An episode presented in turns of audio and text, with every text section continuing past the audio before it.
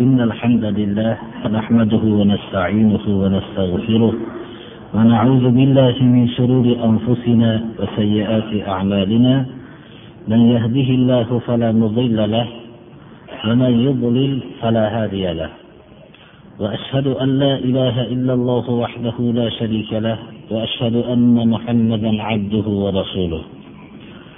أما بعد السلام عليكم ورحمة الله وبركاته. Alloh subhanahu va taolo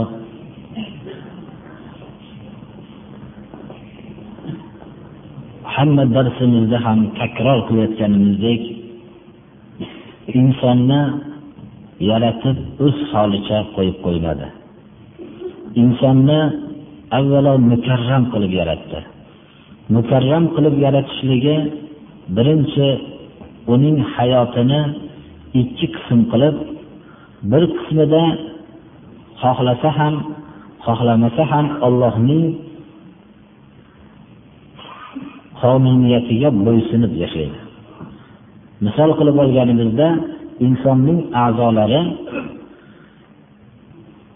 yuragi qon vazifasini o'tasa, o'pkasi nafas olish jihozi hisoblansa, ko'zi ko'rishlik vazifasini o'tasa, qulog'i eshitishlik vazifasini va hokazo a'zolar Alloh tarafidan tayinlangan vazifani o'taydi, xohlasa ham, xohlamasa ham.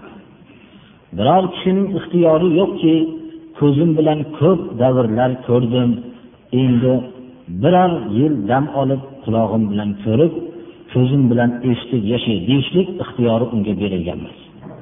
Bunda inson boshqa koinotdagi mavjudotga o'xshagan majburiy hayot bilan yashaydi. Lekin insonga bir sifat berildiki, u sifat ixtiyor sifati. Bu xohlasa bir gunohni qilish, xohlasa bu gunohdan o'zini tiyishlik. Xohlasa Allohning shariatini buyruqlarini bajarish, xohlasa Alloh saqlasin bu shariatni buyruqlarini bajarmaslik. Mana bu ixtiyor sifati insonga berilgan mana bu g'arizaga taklif bog'lanadi. Ya'ni Alloh tarafidan inson mana shu sifati bilan mukallaf maxluqqa aylanadi. Buyurilgan maxluqqa aylandi. Va ixtiyori bilan shariatga ergashib Allohning mislsiz darajalariga ko'z ko'rmagan, quloq eshitmagan va insonning xayoliga kelmagan jannatdagi ne'matlarga erishadi. Dunyoning jannatiga erishishlikdan keyin dunyo jannatiga ham inson shariat qonuniga ergashib erishadi. U haqiqiy bir o'ziga muvofiq bo'lgan insonlik nomiga muvofiq bo'lgan hayotni boshidan kechiradi. Shu ixtiyor sifati bilan shariatga bo'yin sunmasligi bilan u qiyomatda dunyoda sharmandalarcha hayot kechirishligidan tashqari ko'z ko'rmagan, quloq eshitmagan, insonning xayoliga kelmagan qattiq azob bo'lgan Allohning o't azobiga giriftor bo'ladi. Shuning uchun ham biz shariatdagi buyruqlarni qilishlikka ixtiyorimiz bilan yondashamiz, shariatdagi buyruqlarni qilmaslikka ham ixtiyorimiz bilan cheklanamizda va avvalgi suratda katta darajatga erishamiz, keyingi suratda Alloh saqlasin, juda ham qattiq bir azobga duchor bo'linadi. Biz gunoh kabira darslarimizni inshaalloh davom ettiramiz. 10-gunoh bu eng qattiq gunohlardan bittasi. Insonning sha'niga nihoyat darajada dog' bo'ladigan nasllarning tayinsiz bo'lib jamiyatda tamomiy qattiq adovatlar va bu adovatlar kuchayib borib oxiri odamlar bir-birlarini qatl qilishlik darajasiga olib boruvchi gunohi kabiralardan 10-si zinodir. alloh subhanahu va taolo qur'oni karimda استعيذ بالله ولا تقربوا الزنا إنه كان فاحشة وساء سبيلا zinoga yaqin bo'lmanglar dedi alloh subhanahu va taolo faqatgina zino amalidan chetlaninglargina deb qo'ymasdan zinoga yaqin bormanglar dedi demak bu kalima zinoga sabab bo'ladigan hamma narsadan uzoq bo'lishlikka mo'min kishi o'zining yaratuvchisi tarafidan ma'murdir. Zinoga yaqin bo'luvchi narsalar haqida rasululloh sollallohu alayhi vasallamning yo'llanmalari hammasi shu qattiq gunoh bo'lgan bu gunohga yaqin bo'ladi ishlikdan hammasini chetga olishlikka yo'llanma berganlar. Birinchi ayollarning alloh subhanahu va taolo hijob bilan mukarrama qildi. Hijob ayol kishi o'zining ziynatlarini bekitishligi. Bu hijob aslida tekshirib ko'rilganda ayollarning manfaati ekanligini yaxshi tushunishlari kerak edi ayollar. Lekin islomga qarshi bo'lgan falsafa bu ayollarning behurmatlik deb tushuntirilgan. Allohga hamdlar bo'lsinki mana bu hijobning ayollar uchun birinchi manfaati ayollar uchun ekanligini hozirgi zamonning mutlaqo hijobni inkor qilgan o'zini madaniy sanagan jamoalar hammasi tan olyapti. Bir kishi o'zining oilasi bilan ittifoq yashaydi. Ittifoq yashashlik turgan bolalar o'zining otasini mehrini ko'rib yashashadi.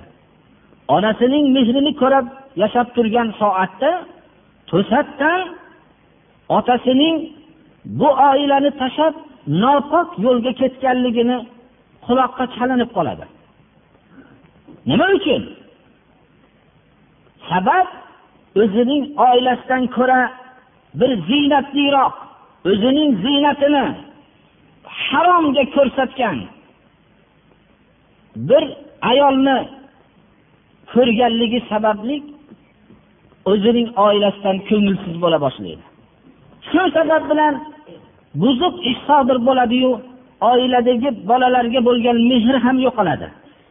Shu bilan oilaning buzilishlik davri boshlanadi.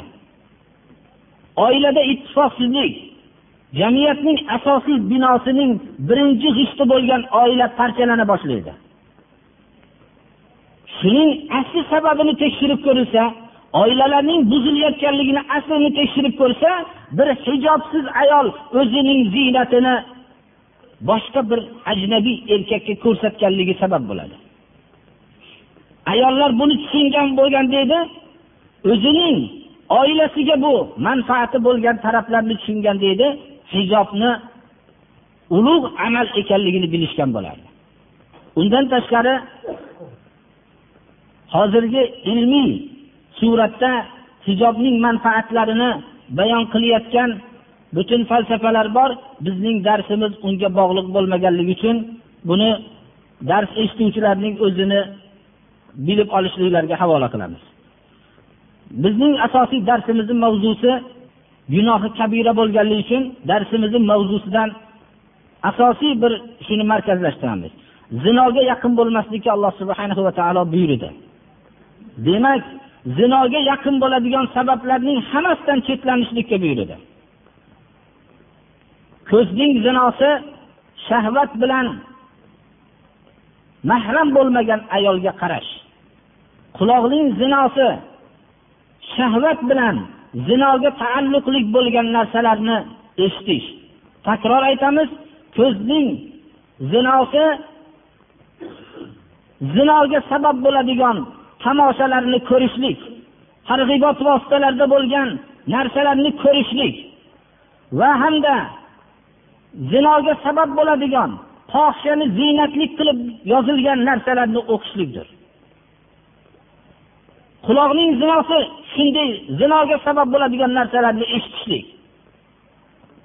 Oyoqning zinosi shu zinoga sabab bo'ladigan maydonlarga borishlik. Mana bu zinoga olib boradigan sabablar. Qur'oni karim zinoga yaqin bormanglar deyishligi bilan zinoga sabab bo'ladigan amallarni har bir a'zoni ehtiyot qilishlikka alloh subhanahu va taolo buyurdi. alloh subhanahu va taolo qur'oni karimda والذين لا يدعون مع الله إلها آخر ولا يقتلون النفس التي حرم الله إلا بالحق ولا يزنون o'ziga shirk keltirmaslik amalini keltirgan zikr qilgan o'rinda odamlarni nohaq o'ldirmaydigan bandalarni zikr qilganda shundan keyin bevosita zino qilmaydigan bandalarini maqtadi. Ya'ni birinchi shirk keltirmaydigan bandalar odamlarni nohaq o'ldirmaydigan bandalar va hamda zino qilmaydigan bandalar deb zino kalimasini odamning nohaq o'ldirishlik qatorida zikr qildi. Bu narsa agarki avvalgi davrlarda ba'zi bir kishilarga tushunarli bo'lmasa ham hozirgi davrda nihoyatda tushunarli bo'ldi. Chunki zino odamning nohaq o'ldirishlik darajasiga olib borishligini hozirgi asr bu narsani ko'rsatib turibdi birodarlar. Dunyoda eng mehrlik maxluq onadir. U ham mehrini asosiy o'zining farzandiga mehridir. Bundan ortiq mehr bo'lishligi mumkin emas. Bu mehr hamma mehrlarga zarba masal qilingan mehrdir. Ammo mana bu zino sababli ana shu mehr yo'qolib o'zining farzandini o'ldirayotgan onalar hozirgi vaqtda bordir. Zino shunga sabab bo'lgan. Zino sababli vujudga kelgan bolani yo'qotishlik payiga tushishlik yo'qotolmagandan keyin uni bir tanaga tashlab ketyapti. Mohiraroq bo'lsa u kattaroq ziyoli tabaqadan bo'lsa mabodo oliy ilmlarni egallagan bo'lsa bu ona uni maxfiyroq qilib hojatxonaga tashlab yuboryapti. Soddarog'i bo'lsa axlatxonaga tashlab ketyapti. Undan ham ilmi kuchayganroq bo'lib o'zini madaniylashganligini ko'proq davo qilgan bo'lsa uning hali hojatxonaga tushadigan qilmasdan turib yo'qotib tashlayapti. Mana bu narsani agar insonning onasi o'zining farzandiga nisbatan shunday qattiq shafqatsizlikni qiladi desa buni hech kim ishonmagan bo'lardi. Ammo islomning hayotdan chetlanishligi mana bunday o'zini madaniy sanagan onani vujudga kelishligiga sabab bo'ldi. Mana bu bilib qo'ymoqligimiz kerak. Shuning uchun ham qur'onning mo'jizasi yana bir bor isbot bo'lyaptiki nohaq odam o'ldirmaganlarning yonida zino qilmaganlarni zikr qilinyapti. Demak nohaq odam o'ldirishlik bilan zino qilishlikning yonma yon kelishligi qur'on mo'jizalaridan bittasidir. Zamoni johiliyatda qiz bolalar kamsitib qiz bolalarni tirik ko'mib yuborilgan bularni tug'ishdan ilgari qiz bolani kamsitilingan zamoni johiliyat ya'ni rasululloh sollallohu alayhi vasallam payg'ambar bo'lishlaridan ilgari shu narsani zikr qilinsa odamlar ajablanadi. Lekin hozirgi asrda u vaqtda qiz bolaligida faqat ko'milgan bo'lsa hozir qizi o'g'illigiga qaramasdan onasi o'zi ko'mib yuboryapti. Mana bu vahshiylikni o'rmondagi yirtqichlar ham qila olmaydigan vahshiylikdir birodarlar. Demak insonning madaniylashishligi madaniyatning rivojlanishligi u moddiy yuqorilik emas balki ma'naviy yuqorilik ekanligini yaxshi bilishligimiz kerak. Shuning uchun ham qur'oni karim odamni nohaq o'ldirishlik keyin bevosita zino qilmaslikni zikr qilinishligi zino odamlarning nohaq o'ldirishlikka sabab bo'lishligiga ishoradir undan tashqari hozirgi vaqtdagi nohaq odam o'ldirilishlarining aksarini tekshirilsa zino sababli vujudga kelayotganligi sirmas birodarlar bu alloh subhanahu va taolo qur'oni karimda sura nur oyatida الزانية والزاني فاجلدوا كل واحد منهما مئة جلدة ولا تأخذكم بهما رأفة في دين الله إن كنتم تؤمنون بالله واليوم الآخر وليشهد عذابهما طائفة من المؤمنين zinokor ayol zinokor erkak agar dalil bilan isbotlansa yoyinki o'zlari bu gunohga iqror bo'lsa islom hukmi barpo bo'lib turgan diyorlarda uning jazosi har biriga yuz darra urilishligi. Alloh subhana va taolo har birini yuz darra uringlar deyapti. Sizlarni ollohni dinida ollohni hududini barpo qilishlikda qalbinglarda mehribonlik olib qolmasin deyapti. Agar ollohga qiyomat kuniga iymon keltirgan bo'lsanglar ularning azobiga bir toifa bir jamoa mo'minlar hozir bo'lsinki ibrat bo'lsin bu narsa. Shu yerda diqqatga sazovor bo'lgan kalima birinchi zinokor ayolni zikr qilinyapti zinokor erkakdan ilgari. Nima uchun?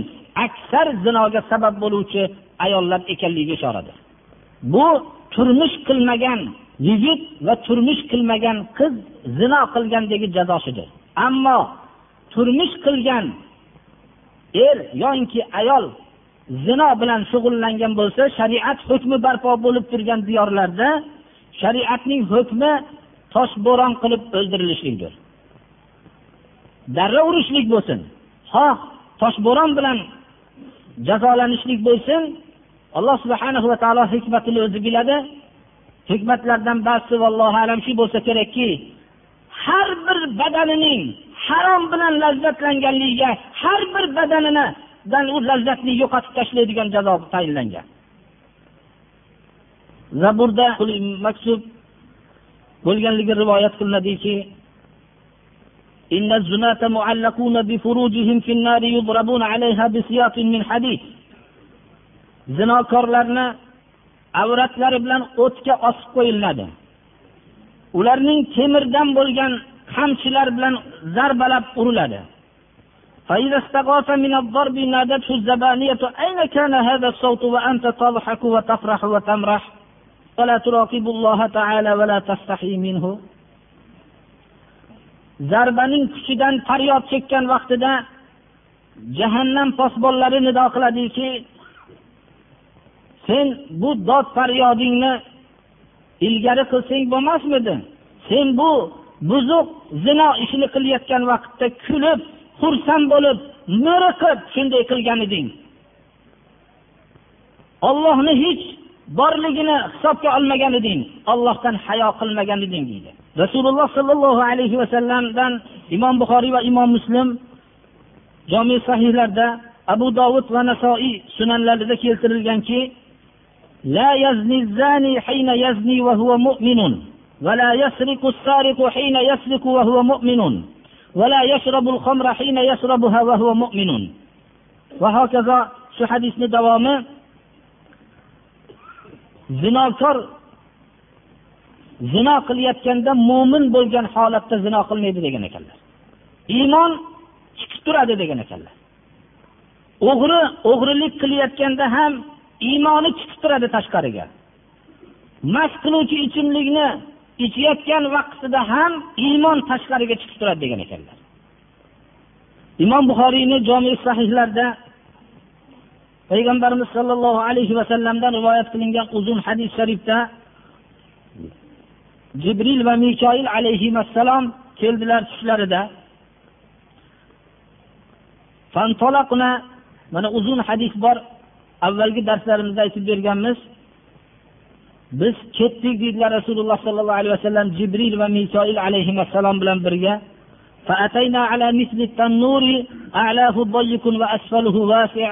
Bir tannurga o'xshagan joyga keldik.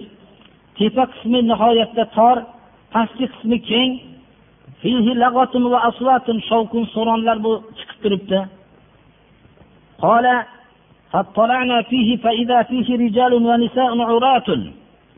Shu tannurga o'xshagan joyga qaradik. Qarasak bu yerda yalang'och er va ayollar bilan to'la. Ularning tannurga o'xshagan joyning pastki qismidan bir alanga kelyapti to'satdan.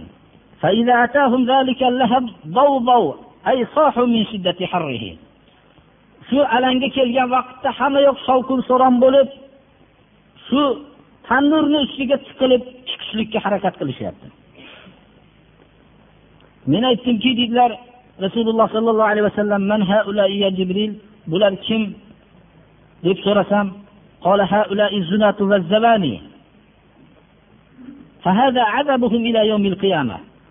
bu zinokor kishi va zinokor ayollar bular qiyomatgacha shunday azoblanishadi.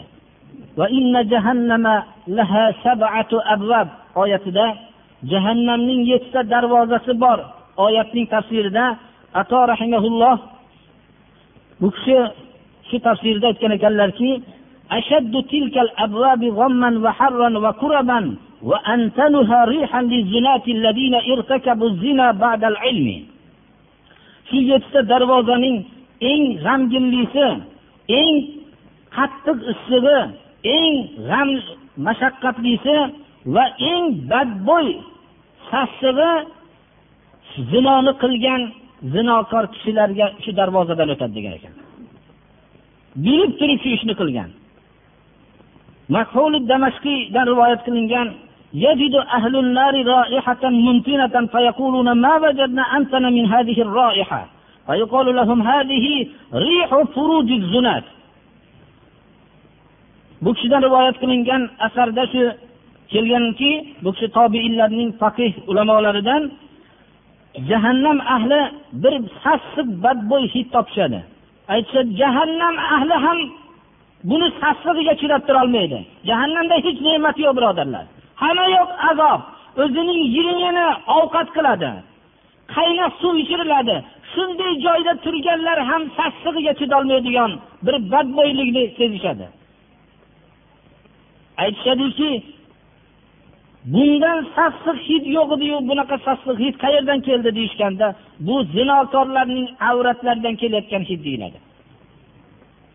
Bizni islom bu gunohga shunday qattiq qaraydi va uning jazosini nihoyatda qattiq qilgan. Chunki nasllarning tamoman yo'qotishlikdir bu. Qur'oni karimda yana asl mavzuga qaytamiz. Odamni nohaq o'ldirishlik qatorida zino kalimasining zikr qilinishligi zinodan vujudga kelgan bola bir umr o'zining otasi kimligini bilmaslikdan ko'ra qattiq musibati yo'qdir birodarlar. U otasini ma'lum bo'lgan kunida shu otasini yo'qotishlikka qattiq harakat qiladi. Shunday nopok ishni qilgan otasiga nisbatan. Mana bu haqiqiy bir odamni qatl qilishlik bilan barobar ekanligiga dalolat qiladi birodarlar. Alloh subhanahu va taolo mana bu qattiq gunohdan hamma ahli islomni alloh taolo saqlasin o'n birinchi gunoh libotagarlik alloh subhanahu va taolo lut alayhissalomni bir xalqqa payg'ambar qilib jo'natdi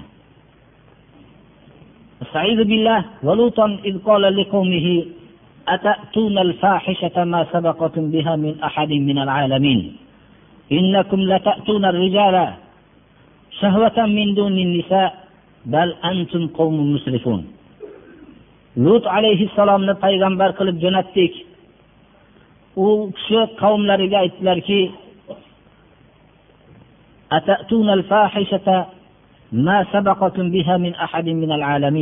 shunday buzuq ishni qilasizlarmi bunday gunohni sizlardan ilgarigi inson zoti qilgan emas dedilar inson ollohning yuborgan risolatidan chetga chiqishlik bilan uning moddiy qulayliklari unga foyda bermaydi balki unga zarar beradi. Moddiy qulayliklarning o'ziga chetlanib ma'naviy islom axloqlardan chetga chiqqan jamiyatning misoli bir qanoti ilib tamom bo'lgan ikkinchi qanoti baquvvat bo'lgan bir qushning misolidadir. U qush hech qachon biror qadam ham uchishlikka qodir bo'lmaydi. Bu gunoh er kishining er kishiga nisbatan jinsiy aloqada bo'lishligi bu gunoh lut alayhissalom davrigacha biror bir insonlar jamiyatida sodir bo'lmadi. Alloh subhanahu va taolo eng qattiq azob bilan azobladi.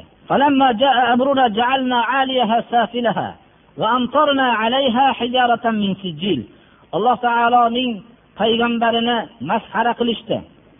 Lutni chiqarib tashlanglar bizga nasihat qilayotgan bu lutni. O'ziniyu ahlini hammasini bunga ergashganlarni chiqarib tashlanglar bular pokiza insonlar bo'lib ketibdi deb masxara qilishdi. Hozirgi vaqtda ham odamlarni gunohdan tiysiz buzuq ishlardan voz kech kashandaliklardan voz kech mast qiluvchi ichimlikni ichma desa sen ja ozoda pokiza bo'lib ketibsan deydi. Lut alayhissalom shunday najas habis amaldan tiygan vaqtlarida bularni shahardan chiqarib tashlanglar bular ja pokiza insonlar bo'lib ketibdi deyishdi. Alloh taoloning buyrug'i azobi keldi. Lut alayhissalom qavmlari yashayotgan yerning yuzasi pastki qism bo'ldi. Pastki qism bo'lsa yerning yuqori qismi bo'lib qoldi. Yerni alloh subhanahu va taolo to'ntarib qo'ydi va ustiga min sijil loy aralashgan toshni alloh taolo yomg'ir qilib yog'dirdi. Mana bu nihoyatda bir qattiq bir azob bilan azobladi alloh taolo. Shuning uchun ham shunday gunohni qilgan jamoa islom hukmi barpo bo'lib turgan diyorlarda topilsa abdulloh ibn abbos aytgan ekanlarki فيلقى منه ثم يتبع بالحجارة كما فعل بقوم لوط shu shahardagi eng baland binoni tekshirib qaraladi borib shu binoning ustidan uloqtirib tashlanadi shunday ish gunoh qilganlarni va ustiga shu tepadan tosh tashlanadi Xuddi lut alayhissalomning qavmlari shu nopok ishni qilganda alloh taolo ustidan bir toshni yog'dirib yuborgandek hamma tosh bilan uradi degan. Alloh subhanahu va taolo mana bu gunohni jazosini qattiq bir berdi. Buni ibrat qilib qo'ydi qiyomatgacha. Shuning uchun ham alloh subhanahu va taolo mana bu lut alayhissalomning qavmiga bo'lgan azobni o'zining kalomini bir necha o'rinlarda zikr qildi. Lekin hozirgi davrda matbuotlarni ya'ni xabardor bo'lgan kishilar hozirgi asrning eng bir rivojlangan asr deb e'tibor qilinayotgan odamlarning og'zini suvi kelayotgan diyorlarda ba'zilarida mana bu amal rasmiy yo'l bilan nikohga o'tyapti. Daniya hukumatida hozirgi vaqtda mana shunday nopok insonlar vujudga kelgan. Shularning hammasi rasmiy qonun yo'li bilan mana shunday hayotni ular farzandlar ularning tarbiya qilish bularga nafaqalar tashishlikdan hammasidan voz kechgan ana shunday madaniy insonlar vujudga keldi. Mana bu narsa bizning uchun juda katta bir ibratki islom ne'mati qanchalik katta ne'mat ekanligini biz bilmoqligimiz kerak birodarlar. Alloh subhanahu va taolo bir necha suralarda habis amal ekanligini haloldan haromga tajovuz qilgan millatlar ekanligini bir necha suralarda yod qildi. أتأتون الذكران من العالمين وتذرون ما خلق لكم ربكم من أزواجكم بل أنتم قوم عادون من أبو سورة لرده ونجيناهم من القرية التي كانت تعمل الخبائث إنهم كانوا قوم سوء فاسقين alloh subhanahu va taolo jamiyatlarni mana bunday nopok najas ishdan alloh taolo pok qilsin o'n ikkinchi gunohi kabira ribodir alloh subhanahu va taolo qur'oni karimda يا أيها الذين آمنوا لا تأكلوا الربا أضعافا مضاعفة واتقوا الله لعلكم تفلحون ey iymon keltirgan kishilar riboni bunday ribodan foydalanib yemanglar deb ribo sababli mollarni ko'paytirib alloh taolo yeyishlikdan qaytardi yemaslikka buyurdi va ribo yeb hayotini o'tkazgan kishilarning qiyomat kuni jin tekkan odamning behush bo'lgandek qiyomatda turishligini xabarini berdi لا يقومون إلا كما يقوم الذي يتخبطه الشيطان من المس أي لا يقومون من قبورهم يوم القيامة إلا كما يقوم الذي قد مسه الشيطان وصرعه jin uni jin tegib uni yiqitib behush qilib qo'ygan odamdaqa alahsiragan holatda qiyomat kuni turishligini xabarini berdi. Buning sababi nima? Ular aytishuvdiki bayam riboga o'xshaganda deb riboni bayga o'xshatishuvdi. Balki qur'oni karim balki fasohatliroqki bayam riboga o'xshaganda deb riboning halol deb e'tiqod qilishlikda baydan ham ortiq e'tiqod qilishgan edi. Tashbih shunga dalolat qiladi. Ular bayda ham bir kishi bir narsani olib shundan sotib foydalanadida deb riboni ham pulni berib bundan foydalanishlikni shu bayga o'xshatishgan edi. Shu sababli ular jin tekkan odamdek qiyomat kuni turishadi. Rasululloh sollallohu alayhi vasallam tushlarining bayon qilganlarida aytdilarki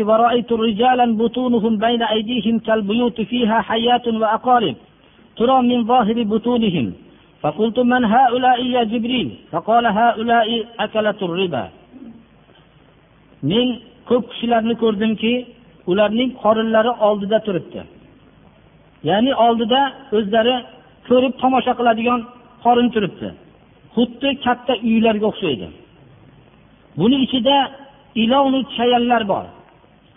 U ilonu chayanlar qorinning ichida yurib turganligi ko'rinib turadigan darajada turibdi. Men so'radimki yo jibril bular kim? dedim. Desam bular ribo yeyuvchilar ya'ni suxurlik bilan hayotini o'tkazuvchilar.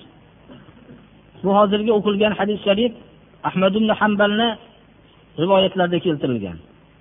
Rasululloh sollallohu alayhi vasallam aytdilarki abu yalo rivoyat qiladilarki allohu alam ibn mojja o'zlarining sunanlarida keltiradilar ما ظهر في قوم الربا إلا ظهر فيهم الجنون ولا ظهر في قوم في قوم الزنا إلا ظهر فيهم الموت وما بخس قوم الكيل والمزن وزن إلا منعهم الله القطر bir toifa odamlarda ya'ni xalqlar o'rtasida ribo oshkor bo'ladigan bo'lsa jinni bo'ladigan odamlar ko'payadi shu jamiyatda dedilar. Majnunlar ko'payadi. Birodarlar haqiqatda ham majnunlar ilgari ajdodlarning aytishicha juda kam bo'lardi birodarlar. Hatto odamlar falonchi majnun o'tgan deb sanab sanabga ulgishardi hozir sanab ulgurmayapti birodarlar. Ribo ko'p bo'lgan jamiyatda jinnilik ko'payadi. Bir jamoa jamiyatda zino ko'paysa o'lim ko'payadi tarozilardan urib qoladigan jamoada alloh taolo qurg'oqchilikni vujudga keltiradi payg'ambarimiz sollallohu alayhi vasallam uzun hadislarda tushlarni bayon qilganlarida shu ham keltirilganki إلى يوم القيامة بالسباحة في النهر الأحمر الذي هو مثل الدم ويلقم الحجارة وهو المال الحرام الذي جمعه في الدنيا يكلف المشقة فيه ويلقم حجارة من نار كما ابتلع الحرام الذي جمعه في الدنيا هذا العذاب له في البرزخ قبل يوم القيامة من لعنة الله له ribo yeyuvchi odamni o'lgandan tortib qiyomatgacha qon anhorida suzishlik bilan azoblanadi uni og'ziga tosh doim tiqib turiladi. Bu dunyoda jamlagan ribo bilan topgan dunyosidir. Va yana o'tdan bo'lgan toshni ham yuttirib turiladi. Xuddi bu dunyoda yutib turgan harom ribodan topgan haromini. Bu qiyomatdan ilgari qabrdagi uning azobi shundan iborat. Alloh subhana va taolo la'nat qilganligidan. La'nat qilingan toifalarning bittasi ribo sutxo'rlik bilan hayot kechirganlar rasululloh sollallohu alayhi vasallamdan mana sahih hadisda rivoyat qilingan arbaatun haqqun alallohi alla yudkhilahumul jannata va la yuziqahum na'imaha. To'rt toifa borki alloh taologa ning haqqi bor ularni jannatga kirgizmaslikka va jannatning ne'matini tottirmaslikka birinchisi mudminul xomir mast qiluvchi ichimlikni to'xtamasdan ichganlar. Va riba sutxo'rlik bilan hayotini o'tkazganlar. Nohaq yetimning molini yeyuvchilar ota onasiga oq bo'lganlar. Magar tavba qilishib qolgan bo'lsa bu azobdan qutulishadi ular. Birodarlar riboning turlari ko'p. Sahobalardan rivoyat qilingan bir asarlarni ba'zisiga ishora qilaman. Shundan ribodan qanchalik ehtiyot bo'lishlikka mana shu asarlar dalolat qiladi. Abdulloh ibn masud roziyallohu anhu aytgan ekanlarki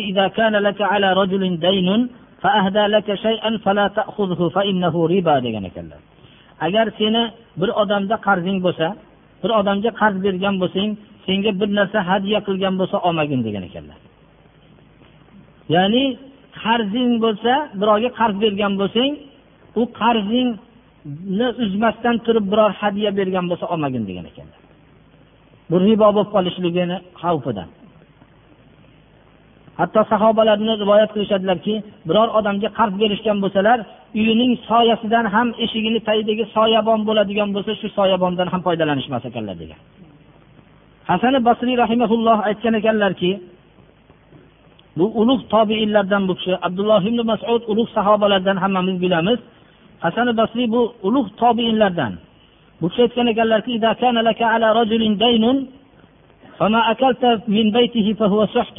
agar seni bir odamni ustida qarzing bo'lsa sen uni uyidan bir taomlangan bo'lsang shu riboni tashvishi bor degan ekanlar. Shuning uchun ham mana bu narsalarda bizning taqvolarimiz yo'qligi uchun birodarlar duolarimiz ijobat bo'lmaydi. Mana bu bir odam ollohni yo'lida bir qarz bergan bo'lsa u qarzni albatta hech qanday bundan foydalanmaslikka harakat qilishligi kerak.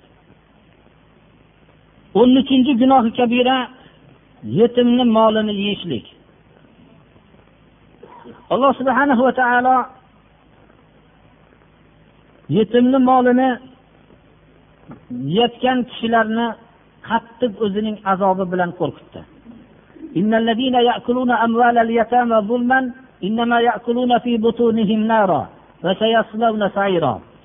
Yetimlarning mollarini yeyotgan kishilar zulman yeyotgan kishilar ular qorinlarida o't yeyotgan kishilardir. Ular yaqin kelajakda shu jahannamga kirishadi deyapti alloh taolo.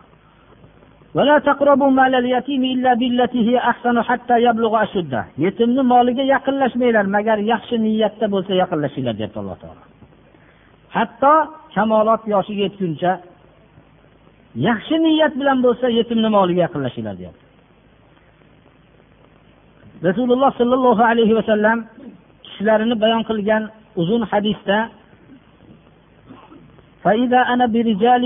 وقد وكل بهم رجال يفكون لحاهم وآخرون يجيئون بالصخور من النار فيقذفونها بأفواههم وتخرج من أدبارهم فقلت يا جبريل من هؤلاء قال الذين يأكلون أموال اليتامى ظلما إنما يأكلون في بطونهم نارا إمام مسلم رواية لنا bir necha kishilarni ko'rdim deydilar rasululloh sollallohu alayhi vasallam tushlarini bayon qilganlarida ularga jag'larini yorayotgan bir necha odamlar tayinlab qo'yilgan. Ularning jag'larini bir necha kishi yoryapti. Yorib og'zilariga katta o'tdan bo'lgan toshni olib kelishyapti. Og'zilariga uloqtirishyapti. Bu tosh ularning orqa taraflaridan chiqib ketyapti. Men aytdimki yo jibril bular kim dedim. Yetimlarning molini zulman yeganlar dedilar. Ana ular hayotda yetimlarning mollarini yeyotgan vaqtda o'tni yeyishayotganligini bilishmasa yaqinda jahannamda ular og'izlaridan kirib orqalaridan chiqib ketayotganda bilishadi. Biz ko'zimizni ochishligimiz kerak. Bizlarning din dushmanlari deb takror aytaman din dushmanlari yetimlar qolgan raqobat bo'lmaydi. Mustamlakachilar xohlaganda xohlasa xom yeydi xohlasa pishirib yeydi odamlarni. Ular ollohga yig'lagan sari ollohdan uzoqlashaveradi ular. Mana bu agar kimda kim yetimlarning xonadonlaridagi narsani ehson desa qur'onning oyog'ini ostiga qo'yib bosib mana bu rasululloh sollallohu alayhi vasallamning hadislarini oyog'ini tagiga bosib turib shu gapni aytsin bu bekor desin iymondan ajraydi agar shunday kalimani aytsa. Bu imom muslimning jome sahlarida keltirilgan hadis. Avvalgi oyat qur'oni karimning sura nisoda. Hozirgi vaqtda na dindan na aqlan yo'q bo'lgan dindan bexabar odamlar mahallaning ba'zi mahallalarga peshvo bo'lib qolgan. Ular hayotida harom yeyishlik natijasida oshqozonlari halolni hazm qilolmaydigan bo'lib qolgan. Ularning oshqozonlari mabodo bir halol taom kirib qolsa hayron bo'lib qoladi. Bu qanaqa taom deb? Shuning uchun mana bu bu haromdan boshqa narsani tanimaydigan oshqozoni bor odamlargina shu narsani islom deydi. Buni yaxshi bilib qo'ymoqligimiz kerak. Gunohi kabiralarning ribo qatorida zikr qilingan. Alloh taolo yetimni nihoyat darajada qattiq himoya qildi. Rasululloh sollallohu alayhi vasallam o'zlarining yo'llanmalarida juda qattiq ushladilar. Rasululloh sollallohu alayhi vasallam yetimlarni qaramog'ida saqlashlikka ko'p yo'llanmalar berdilar. Payg'ambarimiz sollallohu alayhi vasallam ana vakafilul yatimi ya'ni men bilan yetimning qarovchisi yetimni tarbiya qilgan odam qiyomat kuni shunday yonma yonman deb ko'rsatkich barmoqlari bilan o'rta barmoqlarini orasini sal ochdilar. Yonma yon turaman dedilar. Shunda yetimlarni o'zlarini qaramoqlariga hamma oldi. Islom olami maxsus yetimxona qurishlikka hojati qolmadi. Chunki har bir mo'min odam o'zining vazifasi deb bildi yetimni olishlik. Yetimxona qurishlik bilan bizga maqtanayotgan jamoalar bizga maqtanishmasin. U yetimga qaraydigan odamlarning qolmaganligidan yetimxona qurishlikka majbur bo'lishgan. Bizning islom olamida yetimxona qurilmagan chunki yetim bo'lishligi bilan u chek bilan musulmonlarning xonadoniga kirgan. Hamma buning o'zini qaramog'ida bo'lishligini orzu qilgan. Yetimxonalarning ko'payishligi u jamiyatning o'nglanganligiga dalolat qilmaydi balki buzilganligiga dalolat qiladi. Yetimxonalar islom olamida bo'lmagan. Mana bu narsa sababli ashoblar yetimlarni tarbiya qilishardilar. Tarbiya qilishlik natijasida uning meros moli bo'lardi. Ba'zilar kambag'al edi. Shunda yetimning molidan ehtiyot bo'lishib ovqat tayyorlaganda bolalar u ovqatning hammasi yemagandan keyin bu yemagan ovqatni tashlab yuborishardilar. O'zlari yeyishlikdan ehtiyot bo'lishardilar. Shunda qur'oni karim nozil bo'ldiki davlatman bo'lsa yetimni molidan o'zini tiysin. Qarovchi odam kambag'al bo'lsa yetimni moli bo'lsa uni ma'rufan o'rtacha uni taomidan yeyishlikka qarab turganligi uchun haqqi bor deyildi va boshqa oyatlar ham tushdiki sizlarni ichinglarda kim isloh maqsadida yetimni tarbiya qilyapti? Kim buzishlik uni molidan foydalanish maqsadida yetimni tarbiya qilyapti olloh bilib turadi.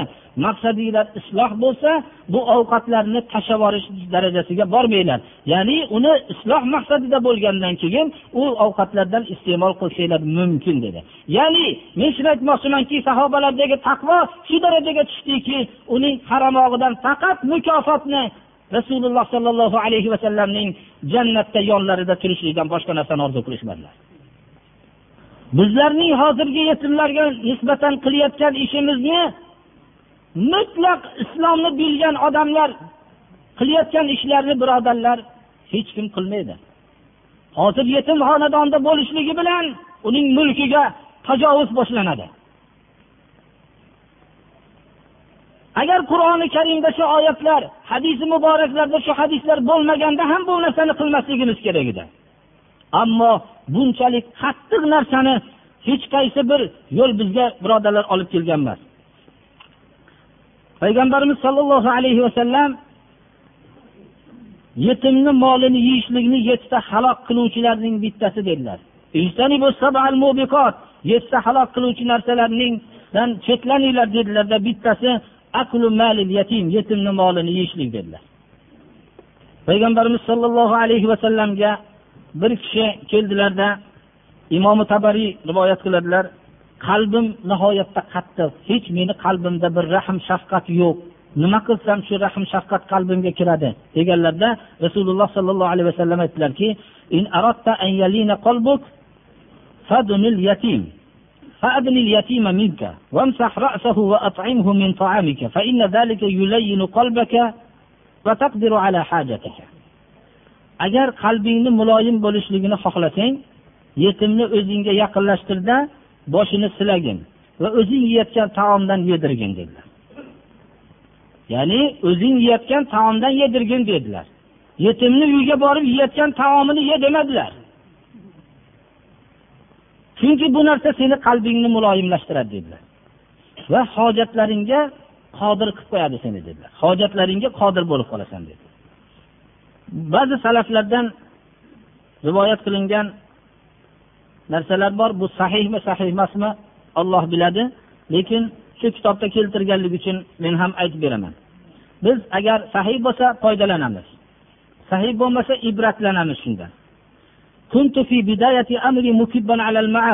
Ma'nosini aytamiz. Juda ko'p gunohlarga o'zim mukkasidan ketgan edim deydilar ba'zilar. Mast qiluvchi ichimlikni ichishlikka mukkasidan ketgan edim. Bir kun yetim bir go'dak bola kambag'al bola qo'limga keldi. Men uni oldimda unga yaxshilik qilib taom yedirdim liboslar kiydirdim va uning hammomga olib kirib yuvintirdim. To'zigan sochlarini yaxshiladim va xuddi ota o'zining farzandini hurmat qilgandek hurmatladim. Balki undan ham ko'proq hurmatladim. Kunlarni bir kunida kechada uxlabsam uyqumda ko'rdimki qiyomat qoyim bo'libdi. Hisobga chaqirildim. Meni ko'p gunohlar bilan mukkasiga ketganligim sababli jahannamga buyurildi. Meni jahannam posbonlari sudrab o'tga olib ketishyapti. Men ularni oldida haqir qo'limdan hech narsa kelmagan holatda ularning sudralib ketyapman ularning qo'lida. To'satdan shu yetimni ko'rdim. Yo'lda menga ko'ldalang bo'ldi. Aytdiki ey robbimning farishtalari bu odamni xoli qilinglar dedi. Hattoki men robbimga iltijo qilamanki bunga o'tdan najot berishligini. Chunki menga bu ko'p yaxshilik qilib meni hurmatlagan edi bu kishi. Maloikalar aytishdiki biz bunga ma'mur bo'lgan emasmiz biz buni jahannamga uloqtirishlikka ma'mur bo'lganmiz. To'satdan bir nido keldida buni xoli qilinglar. Bu yetimga qilgan yaxshiligi bilan men buni ko'p marhamatlar berdim dedi. Uyg'onsam tushim. Shu vaqtdan boshlab hayotim bo'yicha yetimlarga yaxshilik qilib o'tdim gunohlardan o'zimni tiydim dedilar. Bu narsa agarki bizga rivoyati qanday bo'lishligidan shu kitobda keltiribdilar ba'zi salaflar tarafidan bo'lishligi. Lekin ruhi haqiqat bizning islom ruhiga to'g'ri keladi. Rasululloh sollallohu alayhi vasallamdan imom buxoriy va imom muslimning jomi sahiylarida keltirgan hadis shariflarda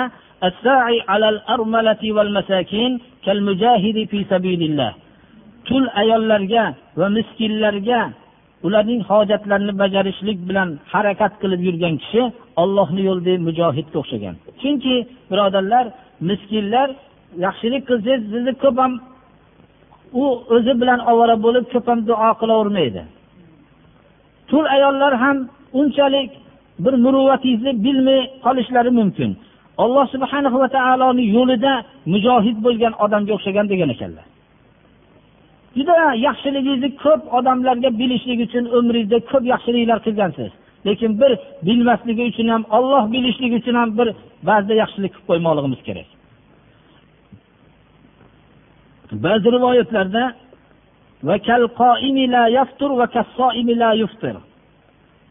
kechqurun ishlamasdan ibodat qilib chiqqan odamga o'xshagan deyilgan ekan.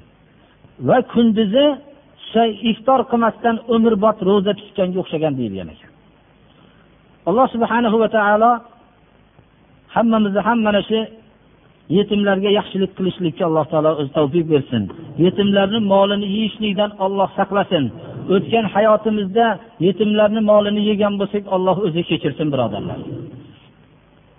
Mana bu bizga agar shu oyatlar shu hadislar ta'sir qilmasa bu bizning qalbimiz yetimlarni molini yeyishlik bilan qorayib ketgan bu ta'sir boshqa gapning ta'siri bo'lmaydi birodarlar.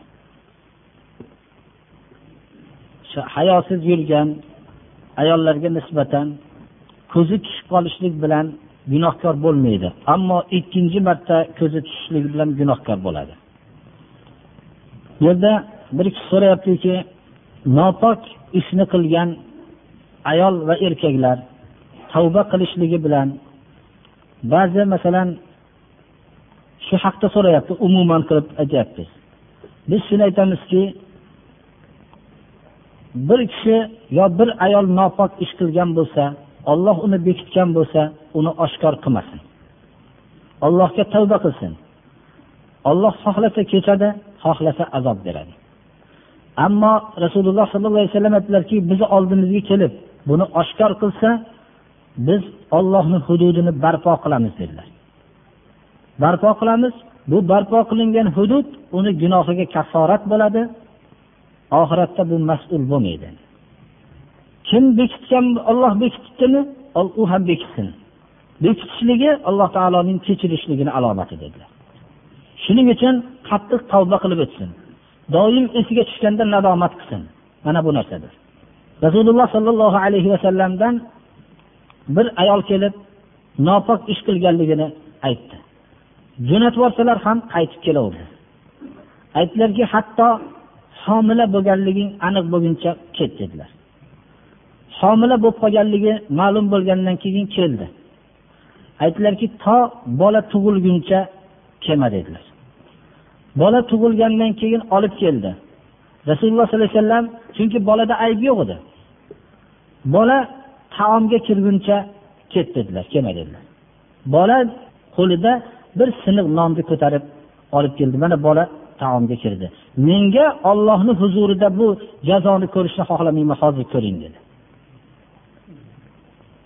Shunda rasululloh sollallohu alayhi vasallam ana endi shunchalik qattiq rad qilsalar ham qaytib kelgandan keyin jazoni ko'rdilar. Jazo toshbo'ron qilib o'ldirildi. Islom tarixida mana bu bitta shu ayol islom jamiyatida rasululloh sollallohu alayhi vasallamni yigirma uch yil payg'ambar bo'lgan davrlarda bitta zinokor ayol toshbo'ron qilindi. Boshqalar qalblari iymon bilan to'lgandan keyin bu nopok narsadan qaytishdi. Toshbo'ron qilinayotganda har bir mo'min odam ollohni hududini barpo qilishlik kerak edi. Holid ibn valid islomning harbiy qo'mondoni shunday katta zot tosh otganlarda qon chachiradi u kishiga. Shunda og'izlaridan bir yomon gap chiqardilar. Shunda payg'ambarimiz sallallohu alayhi vasallam aytdilarki mahlan ya xolid tilingni tiy dedilar. Bu shunday tavbasi maqbul bo'ldiki mashriq bilan mag'ribga taqsim qilsa yetadi dedilar. Bizni islomdagi hududlarni barpo qilish gunohlarga jazoni berishlik gunohdan poklaydi birodarlar. Ammo boshqalar bizlarning islomdagi jazolarni masxara qilishadi. Ular nihoyat darajada qattiqqo'llik bilan jazo berilgan deydi. Lekin islomdagi bu jazo uni pokladi hatto islomning harbiy qo'mondoni so'kishlikka qodir emas tilingni tiy dedilar. U mashriq bilan mag'ribga taqsim qilsa tavbasi maqbul bo'ldi dedilar. Ammo boshqalarning jazosi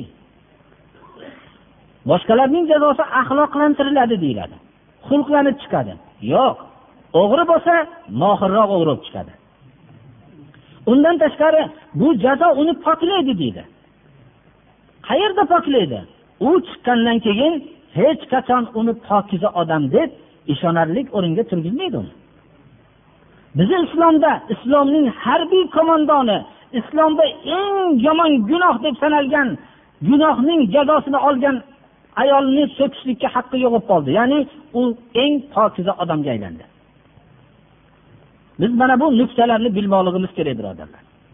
Bir kishi so'rabdilarki ho'p bir eski qabriston bo'lsa unda anchadan buyon foydalanilmay qo'yilgan ya'ni qabrga odam qo'yilmay qo'yilgan bo'lsa buni biror maqsadda foydalansa bo'ladimi? Ya'ni masjid qurish shunga o'xshagan yo bir desa agar masjid qabristondan foydalanmay qo'yilgan bo'lsa albatta foydalansa bo'ladi. Bilmaymiz biz hozir namoz o'qiyotgan joy qaysi yillarda qabriston bo'lganini bilmaymiz buni birodarlar. Hozir yashayotgan uylarimiz qabriston bo'lganmi qaysi hech qaysimiz bilmaymiz buni. Bu tarixga biz hozir yigirma o'ttiz yil ellik yil yuz yilni bilamiz xolos. Bu ikki yuz yil narida nima bo'lganligini bu yerlar nima bo'lgan birov bilmaydi birodarlar. Bu tarixga bu eski foydalanmaydigan qabristonni rasululloh sollallohu alayhi vasallam mana masjidi nabiy sallallohu alayhi vasallamni qurganlarida shu yerda tekislayotganlarida ba'zi qabrdan shivaylar chiqib qoldi. Ularni hammasini olib chekkaga qo'yib qo'ydilar. Ba'zi o'tgan qabrlar ham bo'lganligiga ishoraladi tekisladilarda masjidi nabiy sallallohu alayhi vasallamni qurdilar. Yana bir kishi soch to'g'risida so'rayapti ekan.